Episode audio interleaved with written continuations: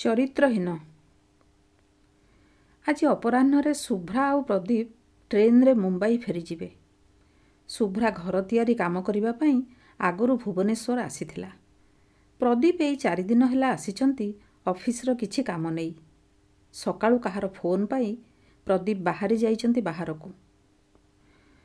ନିଜର ସବୁ ଜିନିଷ ପ୍ୟାକିଂ କରିବାକୁ ବସି ପଡ଼ିଲା ଶୁଭ୍ରା।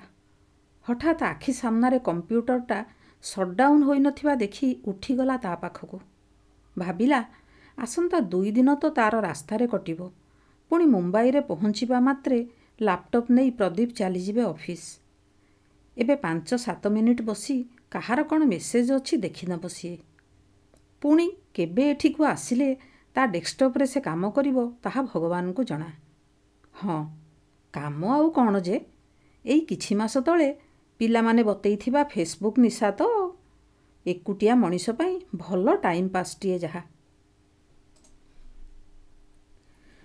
କମ୍ପ୍ୟୁଟର ଖୋଲି ଶୁଭ୍ରା ଫେସବୁକ୍ ସାଇଟ୍କୁ ଯିବା କ୍ଷଣି ପ୍ରଦୀପଙ୍କର ଆକାଉଣ୍ଟ ଖୋଲି ଯାଇଥିଲା। ଆଶ୍ଚର୍ଯ୍ୟ କଥା ଇଏ ତ ଆଦୌ ହେବା କଥା ନୁହେଁ। ସ୍ତ୍ରୀ ହୋଇ ଆଜି ଯାଏଁ ସେ ତାଙ୍କ ମୋବାଇଲଟାକୁ ହାତେଇ ପାରିନି। ଏଇ ତିନି ଚାରି ବର୍ଷ ହେଲା ତା ସହିତ ମିଶିଛି ପୁଣି ଫେସବୁକ୍ ଲୀଳା। ଲାପଟପ୍ର ଚାର୍ଜର କାମ ନ କରିବାରୁ କାଲି ରାତି ସାରା ବସି ପ୍ରଦୀପ ଡେସ୍କଟପ୍ରେ କାମ କରୁଥିଲେ। ତା ଭିତରେ ସେ ଫେସବୁକ୍ ବି ଖୋଲିଥିଲେ ଯାହାକୁ ଅସାବଧାନତାବଶତଃ ଲଗ୍ ଆଉଟ୍ କରିନାହାନ୍ତି ସିଏ। ଶୁଭ୍ରା ପାଇଁ ଏହା ଏକ ସୁବର୍ଣ୍ଣ ସୁଯୋଗ। ମୁମ୍ବାଇ ବାହାରି ଯିବା ଆଗରୁ ସେ ତାଙ୍କ ମେସେଜ୍ ସବୁ ଦେଖି ନେଇପାରିବ ମାଉସ ଉପରେ ଶୁଭ୍ରାର ହାତଟା ସ୍ଥିର ଥାଏ ମନ କିନ୍ତୁ ଛଟପଟ। ଆଜି ଯାଏଁ ସେ ଯେଉଁ ସୁଯୋଗକୁ ହାତେଇ ପାରୁନି ବୋଲି ଦୁଃଖ କରୁଥିଲା ତାହା ଏବେ ତା ହାତ ମୁଠାରେ। ଅଥଚ ଭୟରେ କମ୍ପୁଛି ତା ହୃଦୟ। ଭଗବାନ ବି କେତେ ସହୃଦୟ ଯେ ମେସେଜ ବକ୍ସଟା ଦେଖା ସରିଛି କ୍ଲିକ୍ କରି ଆଜି ପ୍ରଦୀପଙ୍କ ଭିତର କଥା ଜାଣିବା ପାଇଁ ଏହାଠାରୁ ବଳି ସୁବର୍ଣ୍ଣ ସୁଯୋଗ ଆଉ କ'ଣ ଥାଇପାରେ? ସେ ଏବେ ସବୁ ଦେଖିନେବ ଅଥଚ ପ୍ରଦୀପ କିଛି ଜାଣିପାରିବେ ନାହିଁ। ମାଉସ୍ ଟିପିବା ପୂର୍ବରୁ ବାହାର ଦୁଆରଟା ଦେଇଛି କି ନାହିଁ ଦେଖିବା ପାଇଁ ଚେୟାରରୁ ଉଠି ପଡ଼ିଲା ଶୁଭ୍ରା। ମନରେ ସନ୍ଦେହ କେଜାଣି ଠିକ୍ରେ ଦେଇନଥିବ ଯଦି? ଦୁଆର ପାଖରେ ପହଞ୍ଚିବା ମାତ୍ରେ କଲିଂ ବେଲ୍ ବାଜି ଉଠିଲା ଶୁଭ୍ରା ଦୁଆର ଖୋଲିବ କ'ଣ? ଭୟରେ ଧାଇଁଲା ଘର ଭିତରକୁ। କ'ଣ କରିବ ସେ ଜାଣିପାରୁନଥାଏ। ପ୍ରଦୀପ ବୋଧହୁଏ ଆସିଯାଇଛନ୍ତି। ଏବେ ଲାଗ ଲାଗ ବେଲ୍ ମାରି ତାକୁ ବ୍ୟସ୍ତ କରିବେ। ଦୁଆରଟା ଜଲ୍ଦି ନ ଖୋଲିଲେ ସେ ଚିଡ଼ି ଉଠନ୍ତି କିନ୍ତୁ ଖୋଲିଦେଲେ ତ। ଦେଖିନେବେ କମ୍ପ୍ୟୁଟର ମେଲା ହୋଇଥିବାର ଦୃଶ୍ୟ। ଆଉ ଥରେ ଜୋର ଜୋର ଦୁଇଥର ବେଲ୍ ବାଜିବା ମାତ୍ରେ ତରବର ହୋଇ ସେ ପୁଅ ବତେଇଥିବା ଅନୁସାରେ କମ୍ପ୍ୟୁଟରକୁ ସ୍ଲିପ୍ ମୋଡ଼କୁ ନେଇ ଆସିଲା। ଦୌଡ଼ି ଯାଇ ଦୁଆର ଖୋଲି ଶୁଭ୍ରା ଦେଖିଲା ସାମ୍ନାରେ ଠିଆ ହୋଇଛି କାମବାଲି। କିଛି ସମୟ ସ୍ଥିର ରହି ଦୀର୍ଘଶ୍ୱାସଟିଏ ମାରି ଭାବିଲା ବେକାରଟାରେ କମ୍ପ୍ୟୁଟରଟାକୁ ଭୟରେ ବନ୍ଦ କରିଦେଲା ସିଏ। ଏବେ ଆଉ ଲାଗିବ କି ନାହିଁ କେଜାଣି? ଏତେ ବଡ଼ ମଉକାଟେ ହାତଛଡ଼ା ହୋଇଗଲା ୟାରି ପାଇଁ। କାମବାଲିକୁ ଚାହିଁ କହିଲା ହଇଲୋ ରମା ତତେ ପରା କହିଥିଲି ଆଜି ଟିକେ ସକାଳୁ ଆସିଯିବୁ ମୋ ଘରକୁ। ଏବେ ଆସୁଛୁ କ'ଣ କରିବୁ ବୋଲି? ମୋର ଆଜି ଯିବାକୁ ଅଛି ଜାଣିବି ତୁ ମୋତେ ହଇରାଣ କରୁଛୁ ରମା ଉତ୍ତର ଦେଲା ଏବେ ଦଉନ ଯାହା କହିବ କରିଦେବି। ସମସ୍ତଙ୍କ କାମ ସାରି ଆସିଲା ବେଳକୁ ତ ଡେରି ହୋଇଯାଉଛି ମୁଁ ଆଉ କ'ଣ କରିବି ଯେ? ହଉ ଯା ଜଳଖିଆ ବାସନ ଦୁଇ ଖଣ୍ଡ ଯାହା ପଡ଼ିଛି ତାକୁ ମାଜି ଦେଇ ପଳା। ତୋ ନ ଆସିବା ଦେଖି ମୁଁ ଆଉ ରୋଷେଇ କଲିନି। ତୁ ତ ଇଦ୍ କା ଚାନ୍ଦ। ରମା ବାସନ ମାଜିବାକୁ ରୋଷେଇ ଘର ଆଡ଼େ ଯିବାବେଳେ ଶୁଭ୍ରା କହୁଥିଲା ଏଇନେ ଏତିକି କାମକୁ ଘଣ୍ଟାଏ ନେବ ୟାକୁ ରଖିବା ନ ରଖିବା ସହିତ ସମାନ। ପୁଣି ଥରେ କମ୍ପ୍ୟୁଟରକୁ ଅନ୍ କରିଲା ଶୁଭ୍ରା। ଏପଟ ସେପଟ କରି ସ୍କ୍ରିନ୍ ଉପରେ ତୀରକୁ ବୁଲେଇ ବୁଲେଇ ଶେଷକୁ ଖୋଲିଦେଲା ପ୍ରଦୀପଙ୍କର ଫେସବୁକ୍ ଆକାଉଣ୍ଟ। ଖୁସିର ଲହରୀ ଖେଳିଗଲା ତା ମୁହଁରେ। ମେସେଜ ବକ୍ସକୁ ଖୋଲିବାକୁ ଯାଉଛି ପୁଣି ଥରେ ବେଲ୍ ବାଜି ଉଠିଲା। ଓହୋ ସତରେ ଆଜି ଭାଗ୍ୟଟା ହିଁ ମୋର ଖରାପ। ଏକଥା କହି ପୁଣି ଥରେ କମ୍ପ୍ୟୁଟରକୁ ସ୍ଲିପ୍ ମୋଡ଼କୁ ଆଣି ଦୁଆର ଖୋଲିବାକୁ ଦୌଡ଼ିଲା। ପ୍ରଦୀପ ଭିତରକୁ ପଶି ଆସି ପଚାରିଲେ ପ୍ୟାକିଂ କରିଦେଲଣି ନା ନାହିଁ ଶୁଣୁଛି ଟ୍ରେନ୍ କ'ଣ ଆଜି ଦୁଇ ଘଣ୍ଟା ଲେଟ୍ ଅଛି? ଶୁଭ୍ରା ଉତ୍ତର ଦେଲା ରମାକୁ ଜଗି ଜଗି ତ ଏତେବେଳ ହେଲା। ଅଧା କାମ ମୁଁ କରିସାରିବା ପରେ ଆସି ଏଇଲେ ପହଞ୍ଚିଲା। ଆଉ ପ୍ୟାକିଂ କରିଲି କେତେବେଳେ? ପ୍ରଦୀପ କମ୍ପ୍ୟୁଟର ରୁମ୍ ଆଡ଼କୁ ଯିବାର ଦେଖି ଶୁଭ୍ରା ବିବ୍ରତ ହୋଇ ତାଙ୍କ ସାମ୍ନାକୁ ଆସି କହିଲା କୁଆଡ଼େ ଯାଇଥିଲ? ଯେତେବେଳେ ଦେଖିବ ତମର ଖାଲି କମ୍ପ୍ୟୁଟର ମୋବାଇଲ ନଚେତ୍ ସାଙ୍ଗସାଥି। ମୋତେ ତୁମର ଜିନିଷ ସବୁ ଆଗ ଦେଲ ମୁଁ ପ୍ରଥମେ ତୁମ ବାକ୍ସ ସଜାଡ଼ି ରଖେ। ମୋର ଏମିତି କ'ଣ ଜିନିଷ ଅଛି କି? ଯେତିକି ଆଣିଥିଲି ସବୁ ତ ରଖିଦେବ। ହଁ ଏଇ ପ୍ୟାକେଟଟା ମିଶ୍ରବାବୁଙ୍କ ସ୍ତ୍ରୀ ଦେଇଛନ୍ତି। ମନେ ପକେଇ ରଖିବ। ୟାକୁ ପରା ଆଣିବାକୁ ଯାଇଥିଲି ତାଙ୍କ ଘରକୁ। ମିଶ୍ରବାବୁ ଫୋନ୍ କରି ଜିନିଷତକ ନେଇ ଆସିବାକୁ କହିଥିଲେ। ଶୁଭ୍ରା ତତ୍କ୍ଷଣାତ ଉତ୍ତର ଦେଲା ମୁଁ ତ ଭାବୁଥିଲି ଏଥିରେ ଖାଇବା ଜିନିଷ ଅଛି। ତୁମେ ଆମ ପାଇଁ ଖାଦ୍ୟ ଆଣିବ କେତେବେଳେ? ମୁଁ ରୋଷେଇ କରିନି ଯେ। ସମୟ ଅଛି। ତୁମେ ପ୍ୟାକିଂ କରିବା ଭିତରେ ମୁଁ ଖାଇବା ନେଇ ଆସିବି। ଆଗ ପଛରୁ ତୀକ୍ଷ୍ଣ ନଜର ଦେଇ ପ୍ରଦୀପକୁ ଅନ୍ୟ କାମରେ ବ୍ୟସ୍ତ ରଖିବାକୁ ଲାଗି ପଡ଼ିଲା ଶୁଭ୍ରା। ରମା ୟା ଭିତରେ କାମ ସାରି ପଳେଇ ଗଲାଣି। ପ୍ରଦୀପ କହିଲେ ଦେଖ ଶୁଭ୍ରା ମୋ ବାକ୍ସ ତ ସଜଡ଼ା ସରିଗଲା। ତୁମେ ଏବେ ତୁମ ବାକ୍ସ ସଜାଡ଼ି ନିଅ। ମୁଁ ଟିକେ ଆଗ ନେଟ୍ ଚେକ୍ କରିଦେଉଛି ତାପରେ ଖାଇବା ନେଇ ଆସିବି। ଶୁଭ୍ରାର ଛାତି ଧଡ଼ପଡ଼ ହେବାକୁ ଲାଗିଲା। ଏବେ କ'ଣ କରିବ ସିଏ?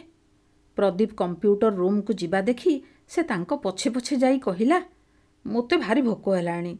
ତୁମେ ଆଗ ଯାଇ ଖାଇବା ନେଇ ଆସ। ତା ଭିତରେ ମୁଁ ବାକ୍ସ ସଜଡ଼ା କାମଟା ବି ସାରି ଦେଇଥିବି। ଶୁଭ୍ରାର ମନ କେଉଁ ବାକ୍ସ ସଜଡ଼ାରେ ଅଛି ଯେ? ପ୍ରଦୀପ ଯିବା ମାତ୍ରେ ସେ କମ୍ପ୍ୟୁଟର ପାଖକୁ ଦୌଡ଼ିଲା। ଚେୟାରକୁ ଟାଣି ଆଣି ବସିଛି କି ନାହିଁ ପୁଣି ଥରେ ବେଲ୍ ବାଜି ଉଠିଲା। ଶୁଭ୍ରା ପାଟିରୁ ବାହାରିଗଲା। ଧେତ୍ ପୁଣି କିଏ ଆସିଲା ଏବେ?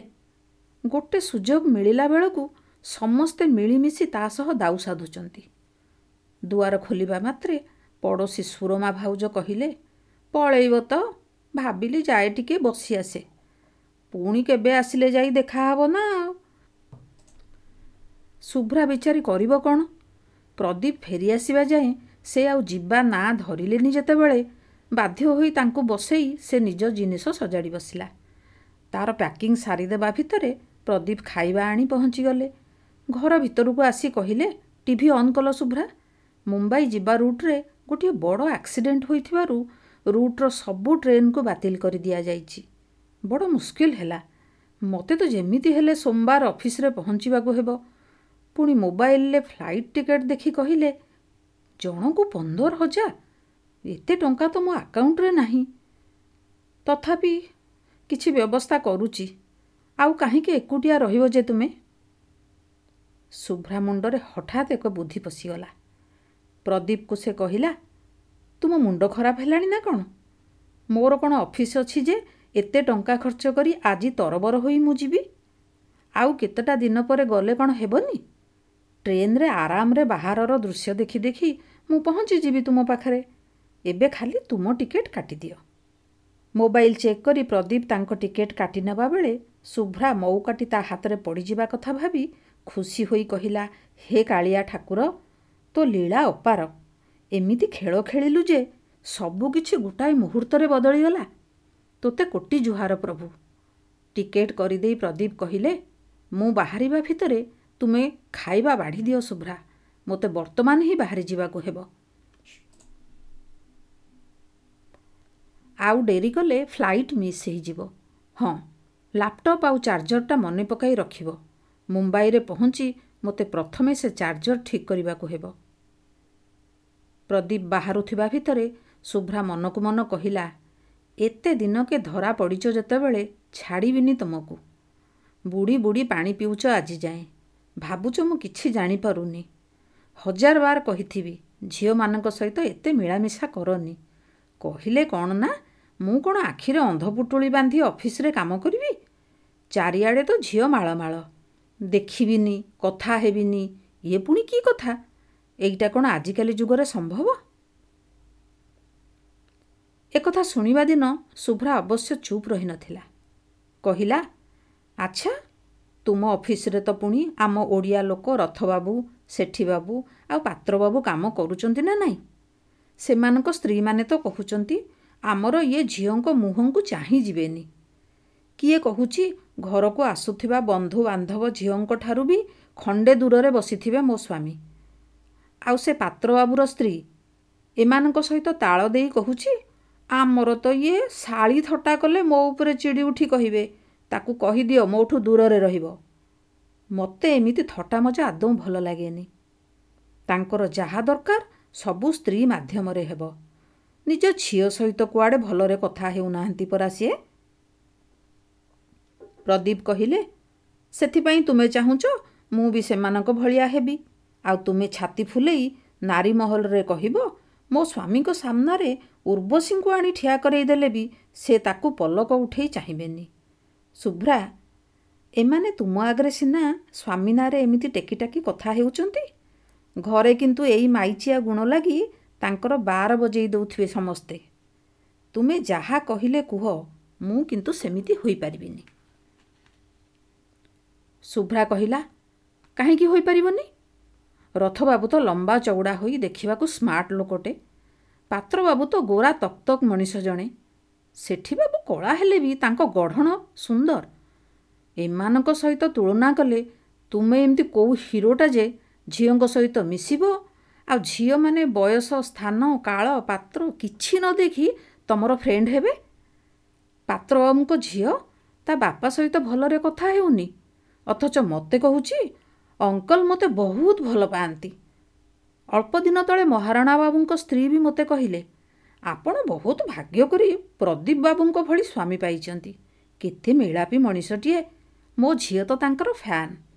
ମୁଁ ବି ହସି ଦେଇ କହିଦେଲି କେବଳ ମୋତେ ଛାଡ଼ି ଦୁନିଆର ସବୁ ଝିଅ ତାଙ୍କର ଫ୍ୟାନ୍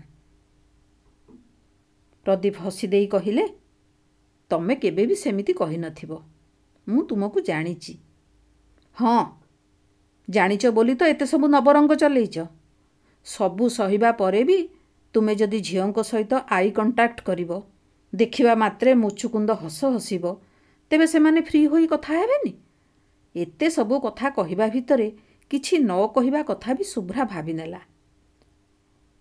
ଏବେ ତ ପୁଣି ଫେସବୁକ୍ ମେସେଞ୍ଜର ହ୍ୱାଟ୍ସଅପ୍କୁ ବ୍ୟାପିଗଲାଣି ଏସବୁ ନାଟ ଏତେ କହିଲା ପରେ ବି ଯଦି ପ୍ରଦୀପ ଟିକିଏ ବଦଳୁ ନାହାନ୍ତି ତେବେ କମ୍ପ୍ୟୁଟରର ନିଭୁ ଇଲାକାରେ ମିଳୁଥିବା ସୁଯୋଗକୁ ସେ କ'ଣ ହାତଛଡ଼ା କରୁଥିବେ? ଦୁଆର ମୁହଁରେ ପ୍ରଦୀପକୁ ବାଏ କଲାବେଳେ ଏଥର ଶୁଭ୍ରା ମନରେ ଦୁଃଖ ପରିବର୍ତ୍ତେ ସୁଖର ଉଚ୍ଛ୍ୱାସ ଭରି ରହିଥିଲା। ଏବେ ସିଏ ସମ୍ପୂର୍ଣ୍ଣ ମୁକ୍ତ। ଆରାମରେ ବସି ସେ ତା କାମ କରିବ କହି ଘର ଆଡ଼କୁ ମୁହାଁଇଲା ବେଳକୁ ବାହାରୁ କିଛି ପାଟିତୁଣ୍ଡ କାନରେ ବାଜିବାରୁ ସେଇଠି ଅଟକିଗଲା ମୁହୂର୍ତ୍ତଟିଏ। ତଳ ଘରେ ଭଡ଼ା ଥିବା ସ୍ତ୍ରୀଟି ପାଖକୁ ଆସି କହିଲା ପଛପଟରୁ ପାଟି ଆସୁଛି ମ୍ୟାଡ଼ାମ୍। ସବୁବେଳେ ସ୍ୱାମୀ ସ୍ତ୍ରୀ ଗଣ୍ଡଗୋଳ ଲାଗୁଛନ୍ତି। କିନ୍ତୁ କାହିଁକି? ଆପଣ କ'ଣ କିଛି ଜାଣିନାହାନ୍ତି? କଲୋନୀରେ ସମସ୍ତେ ପରା କଥା ହେଉଛନ୍ତି ସ୍ୱାମୀଟି ତା'ର କୁଆଡ଼େ ଆଉ ଗୋଟିଏ ନାରୀ ସହିତ ସମ୍ପର୍କ ରଖିଛି ସେଥିପାଇଁ ଗର୍ଜୁଛି ତା ସ୍ତ୍ରୀ।